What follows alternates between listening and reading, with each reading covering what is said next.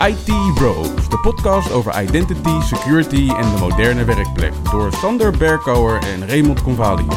Wekelijks praten we je bij over de laatste ontwikkelingen en ontmoeten we interessante gasten. Volg onze podcast op Spotify of iTunes en stel je vragen op Twitter, ITBrosNL. Ik ben Raymond Convalius. En mijn naam is Sander Berkouwer. Welkom bij aflevering 32 van seizoen 3 van de IT Bros podcast. Met in deze aflevering het meest recente nieuws. Drie aankomende evenementen volgende week. En wederom een productiviteitstip van Ray.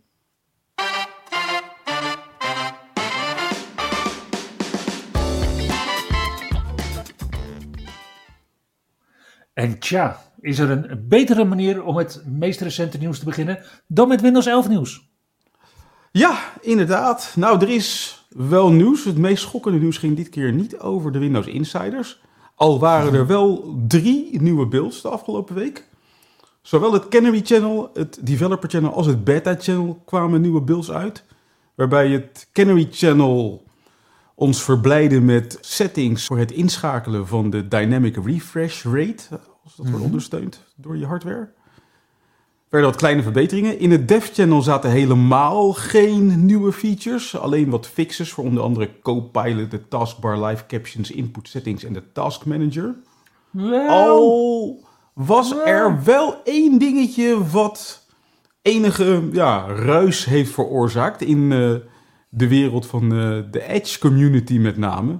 Want wat blijkt, in de beeld van vorige week, die van 25 augustus, dat is beeld nummer 23531 in het Developer Channel, heeft Microsoft besloten om een beslissing van eerder dit jaar terug te draaien. tja, echt hè. Weet je nog dat Microsoft in hun eh, oneindige drang om Edge te promoten had besloten dat bepaalde links voortaan altijd zouden worden geopend in Edge, Ja. ongeacht jouw voorkeur voor een browser? Ja, dat onzalige plan. Precies, nou dat hebben ze ook gewoon geïmplementeerd. Maar voor EU-gebruikers, voor ons dus, wordt dit teruggedraaid sinds beeld nummer 23531. En zullen voortaan alle links, ook die uit Outlook en Teams, gewoon weer gaan openen in de browser van jouw voorkeur. En dus niet per se in Edge. En daar hoeven we alleen maar Windows 11 23H2N voor te installeren, zeker. Mogen we Nee, weer gaan nee, switchen naar een specifieke Europese versie van Windows? Laat me raden. Nee, Microsoft gaat daar magisch detecteren of je Europeaan bent of niet. Lang leven VPN's. Ik denk het ook. Nou ja, verder waren er ook nog twee nieuwe builds in het beta-channel. Zoals gebruikelijk beeld 22.6.21.2265 en 22.6.31.2265. En die verblijden ons met mooier uitziende emoji. Oeh, laat eh, onze gast van een paar weken geleden het maar niet horen. Met eh, nieuwe settings. eh, nee, ik moet zeggen een nieuwe homepage voor de settings. Ja, en uiteraard diverse fixes. Niet al te spannend, maar wel wat nieuws. En ja, hier moet ik dan toch ook wel even. Ja, dan wil ik toch eigenlijk ook wel even stilstaan bij wat jij al schokkend nieuws noemde. Mhm. En waar we vorige week misschien toch niet genoeg de nadruk op hebben gelegd. Ik heb me ergens deze week best wel een beetje schuldig gevoeld. Mhm. Want wij roepen natuurlijk eh, vol bravoer. Ja, als je wil weten wat er aankomt, doe dan de optionele preview update installeren. Ja, Maar wat blijkt? Die optionele preview update van vorige week, die heeft nogal wat eh, blauwe schermen veroorzaakt. Ja. En omdat jullie allemaal weten dat Windows 11 tegenwoordig eh, mooie lichtgrijze installatieschermen eh, heeft, weten jullie dat ik dan niet naar installatieschermen refereer, maar naar de blauwe schermen des doods in Windows. Mhm. En tja, als je dan gaat kijken, dan is het nieuws, zoals het er nu uitziet, dat deze blauwe schermen met foutcode 0x7x05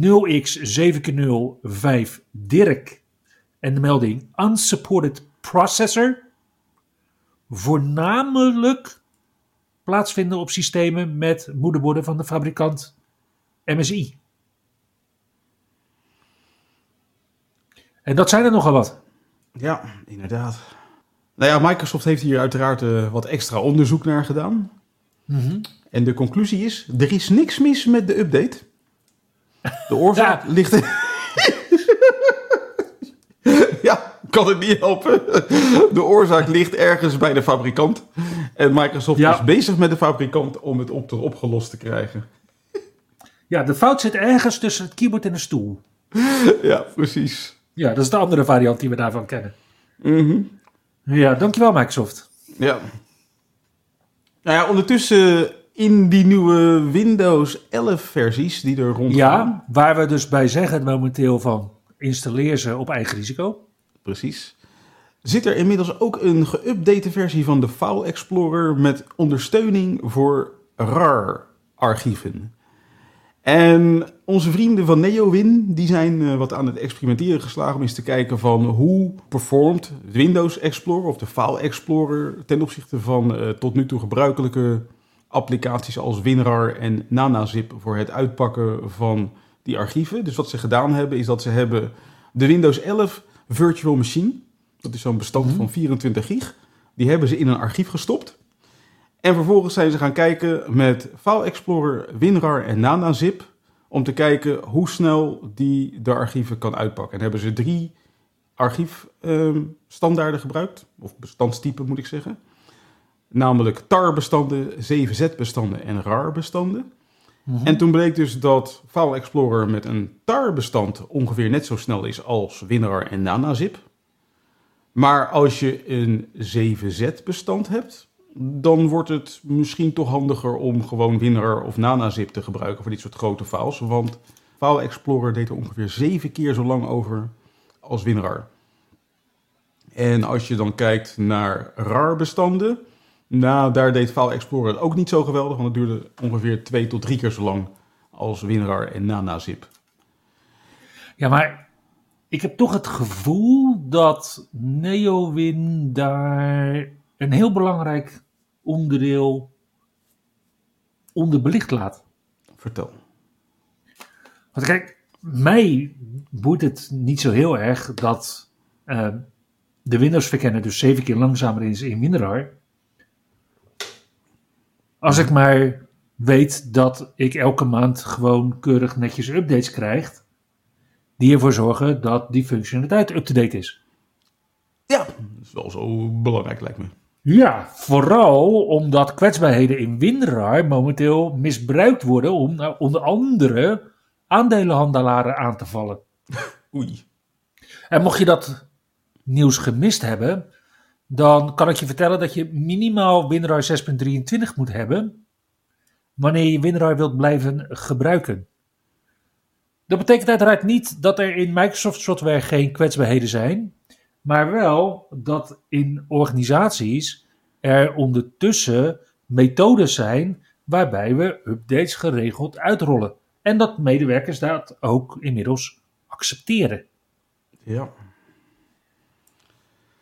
En ik kan me zo voorstellen dat je nog een oude versie van WinRAR gebruikt. Hè? Ja, ik kan me zo voorstellen dat je sowieso nooit betaald hebt voor WinRAR. Maar dat is een ander verhaal. Inderdaad.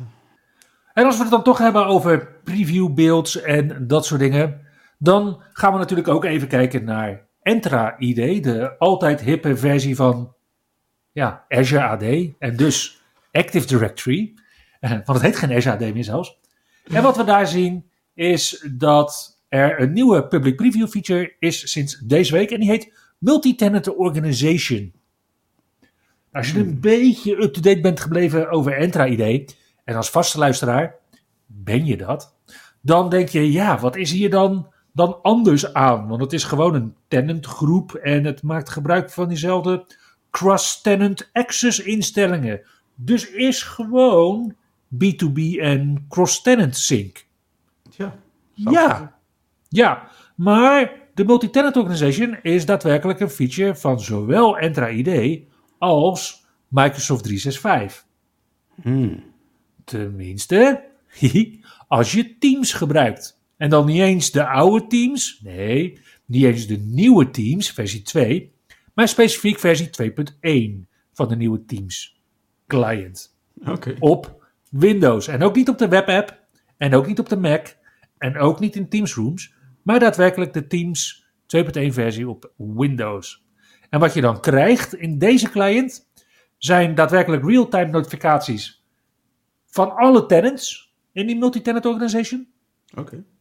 Dat je kunt deelnemen in chats en meetings en calls over al die tenants heen. Dat je een status in Teams kan definiëren per tenant. Oh. En dat je dus ook.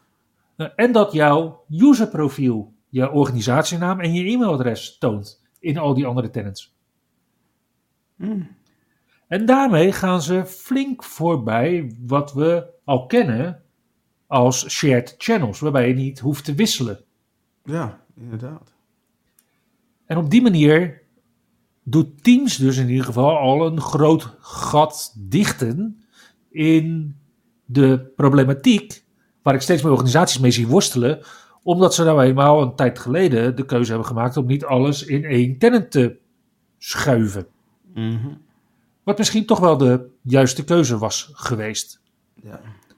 Vooral als je denkt, vooral als je kijkt naar de limitaties, waarbij Microsoft zegt van ja, meer dan vijf tenants in de multi-tenant organization doen we momenteel niet ondersteunen. En ook niet meer dan 100.000 gebruikersobjecten per tenant. Oké. Maar je kan altijd bellen. ja, je kan altijd bellen. En al helemaal als je je beseft dat voor deze functionaliteit Entra ID Premium P1 licenties benodigd zijn wanneer deze feature dadelijk generiek beschikbaar wordt gesteld. Ja, en dat kan voor sommige organisaties stevig in de papieren gaan lopen. Ja, ik denk niet voor veel organisaties, maar ik denk dat er wel een aantal organisaties zijn waar dat behoorlijk pijn kan gaan doen. Ja. Ja, en er zijn ook best nog wel een hoop voorwaarden als ik je zo hoor. Om het goed Ja. te laten werken. Ja, en de business case voor zo'n eenmalige BitTitan licentie eh, wordt dan snel gemaakt, denk ik. Oké. Die ken ik dan weer niet. Maar daar gaan we het dan eens nog een keer over hebben, denk ik. Ik durf wel toe te geven dat dat mijn voorkeurstool is voor een tenant-to-tenant migratie. Oké. Maar er zijn er meerdere inderdaad. Mooie ontwikkelingen. Wat ook mooie ontwikkelingen zijn, is wat Microsoft aan het doen is met macOS. Daar is zojuist een private preview gestart voor wat heet Platform SSO. En Platform SSO is bedoeld om ervoor te zorgen dat je vanaf macOS single sign-on krijgt voor enterprises, dus voor je work or school accounts. Het is gebaseerd op de Enterprise Single Sign-On plugin die Microsoft in juni dit jaar heeft eh, gelanceerd. En breidt daarop uit. eh, om eigenlijk om vooral passwordless te gaan ondersteunen. Dus ehm, ja, waar je op Mac helaas nog niet helemaal passwordless kan werken. Want de eerste keer nadat je een Mac hebt opgestart, moet je nog steeds inloggen met een wachtwoord. Kan je daarna wel de unlock doen met je fingerprint. Mhm. Met Touch ID. Ja, als jouw MacBook dat ondersteunt. Ja. En dan zie je vervolgens dat de platform SSO van Microsoft gaat integreren met wat heet de Secure Enclave op de Apple devices. En op dat moment krijg je dus ja, een verbeterde single sign-on richting alle Microsoft-diensten online. En heb je onder andere de Company Portal niet meer nodig om Zo, bij je diensten te komen. Ja, en daar geef je dus wel echt een heel groot voordeel Ja, weg. Want het niet meer hoeven installeren van die company portal, dat is wel een hele fijne bijkomstigheid. Zeker weten. Nou ja, op dit moment is het dus alleen nog maar private preview. De public preview is uiteraard onderweg. En Microsoft zegt van nou, je kan je alvast beginnen voor te bereiden op die platform SSO door in ieder geval die Microsoft Enterprise Single Sign-On plugin te beginnen uit te rollen over je Apple devices. En te zorgen dat je Apple devices minimaal macOS versie 13 draaien. En hierbij geven we uiteraard ook aan dat je tegen bepaalde zaken kunt aanlopen. Op macOS zul je niet zo snel tegen blauwe schermen des doods aanlopen. Maar wie weet wat er kan gebeuren. Ja, inderdaad. En toen was er nog meer nieuws voor de Mac. Want Microsoft stopt tot ieders verrassing over precies een jaar met de ondersteuning van Visual Studio voor de Mac. Hmm. En dat is een verrassing, omdat ze Ja. in juni dit jaar nog een nieuwe versie hebben uitgebracht met allerlei nieuwe functionaliteiten. Waarbij mensen dachten van, nou, voorlopig is Microsoft nog niet klaar met Visual Studio op de Mac. Maar niks blijkt minder waar. Ja, want hoe ga je dan de Mac-apps op basis van Xamarin en C-Sharp bouwen? Nou, Microsoft zegt, eh, schakel over naar Visual Studio Code. Oké, In combinatie met de C-Sharp DevKit. oké. En, zeggen ze, als je dan toch per se van Visual Studio gebruik wil blijven maken, dan kan je op macOS altijd kiezen voor kiezen om een VM met Windows te installeren of een Microsoft DevBox te gaan gebruiken. Zodat Microsoft je een additionele Windows-licentie kan verpatsen. Bijvoorbeeld. ja, nou ja, nu was het al zo, zeg maar, dat Visual Studio voor de Mac kon je eigenlijk alleen maar gebruiken om Mac-applicaties te ontwikkelen. Dat Mhm. deed je dan met eh Xamarin en C-Sharp. ja. En wat ze zeggen van ja, als je dan toch cross-platform wil blijven ontwikkelen, dan zijn er nog extensies als eh, .NET MAUI en Unity die je kan gebruiken om cross-platform te ontwikkelen als eh, Mac-gebruiker. Oké. Maar Visual Studio voor de Mac is dus over een jaar ten einde. Ja, tenzij je dus wat, wat meer simpele dingen blijft doen met die C-Sharp DevKit. En dan kun je dus Visual Studio Code gebruiken, wat natuurlijk een, ja, een heel andere tool is. Maar volgens mij Oh. wel gratis. Ja, inderdaad. Hmm.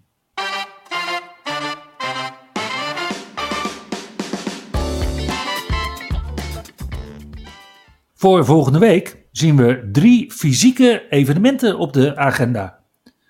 We beginnen op dinsdag 5 september vanaf 5 uur. Is daar de Microsoft and Security NL User Group met hun september 2023 meetup. Waarbij Myron Helgering presenteert over de zeven methodes om gegevenslekkage van persoonlijke apparaten te voorkomen. En waarbij Alwin Perotti een sessie presenteert getiteld Identity Unleashed Embrace Digital Sovereignty. Zoals gebruikelijk bij de Microsoft Security NL meetups wordt er afgesloten met een pubquiz en borrel. Op donderdag 7 september zijn eh, Sander en ik te bewonderen in Koblenz in Duitsland op de Cloud Identity Summit. Uiteraard zullen we daar, samen met vele van onze collega's, interessante sessies gaan verzorgen met betrekking tot identity. En omdat dit evenement net over de grens plaatsvindt en gratis is, zou het me niks verbazen als we daar ook dit jaar weer vele Nederlanders tegenkomen. Vooral ook omdat Kenneth van Suxum een presentatie in ons tijdslot deelt. En als je dan niet naar Duitsland wil gaan op 7 september, kan je ook nog vanaf 6 uur aansluiten bij Azure Platform Engineering, oftewel APE. Daar vindt vanaf 6 uur in Amsterdam een evenement plaats waarbij Freek ten Broek een presentatie zal, zal verzorgen Sensor Data in Azure IoT Central, van hete papers tot coole data. En Mart de Graaf zal presenteren Advanced Git en Git Workflows. Het Azure Platform Engineering Event sluit uiteraard af met een borrel aan het einde van het evenement.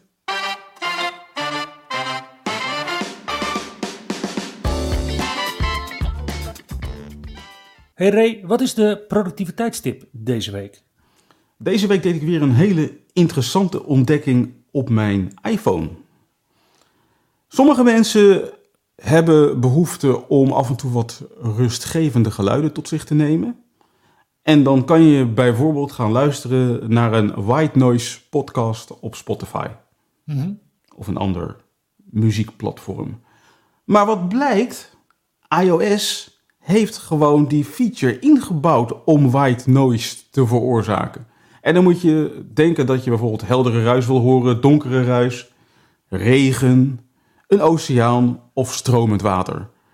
En dat geluid, wat dan dus gewoon vol continu uit je telefoon of uit je koptelefoon komt, kan je ook nog eens een keer mengen met de muziek of een andere podcast, bijvoorbeeld die van ons, of een video die je aan het kijken bent. De feature staat standaard niet aan, maar is opvallend gemakkelijk te vinden. Als je namelijk naar de settings app gaat van je iPhone, dan kan je gaan naar dus eh, instellingen. Vervolgens zie je staan bedieningspaneel. En dan kan je een knop toevoegen die heet horen. En op dat moment krijg je in het venster wat je krijgt, ja, als je een iPhone 10 of later hebt, dan kan je aan de rechterkant van je iPhone zeg maar naar beneden vegen. Dan krijg je zo'n overzichtje met allemaal knoppen. Dat is je bedieningspaneel. Ja. Dat is je bedieningspaneel waar je onder andere je schermhelderheid kan regelen en zo. En in dat scherm krijg je er een knop bij. Omdat je horen erbij hebt gezet, is die knop die je erbij hebt gekregen is een icoontje van een oor. En op het moment dat je daarop klikt, kan je dus kiezen tussen heldere ruis, donkere ruis, regen, oceaan of stromend water. Om vervolgens white noise over je uit te laten stromen. En ja, sommige mensen worden er helemaal zen van. ja, ik vind het ook ideaal. Als ik dan de podcast luister en ik zit toevallig op de wc en het lukt niet, dan kan ik daar nu tegenwoordig stromend water bij onder zetten. Wat een gezeik, heerlijk. Oké, goed. Daarmee komen we aan het einde van aflevering 32 van seizoen 3 van de IT Bros podcast. Dankjewel voor het luisteren en tot de volgende keer. Tot de volgende keer. Je luisterde naar IT Bros, de wekelijkse podcast over identity, security en de moderne werkplek. Abonneer je op Spotify, iTunes of Google Podcast als je de volgende aflevering niet wilt missen. Heb je hints of tips? Laat dan van je horen op Twitter. @itbrosnl.